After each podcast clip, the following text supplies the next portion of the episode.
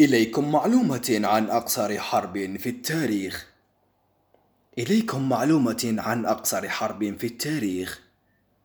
الحروب جزء لا يتجزأ من تاريخ البشرية الأسود، وفيها ما هو مثير للاهتمام، كالفترة الزمنية التي استمرت بها الحرب. وكثيرا ما يخطر ببالنا أن الحروب يجب أن تمتد لسنوات عجاف طويلة للغاية بحيث يصعب التكهن بوقت انتهائها وزوال المعاناة لكن هل فكرتم بحرب انتهت في أقل من ساعة؟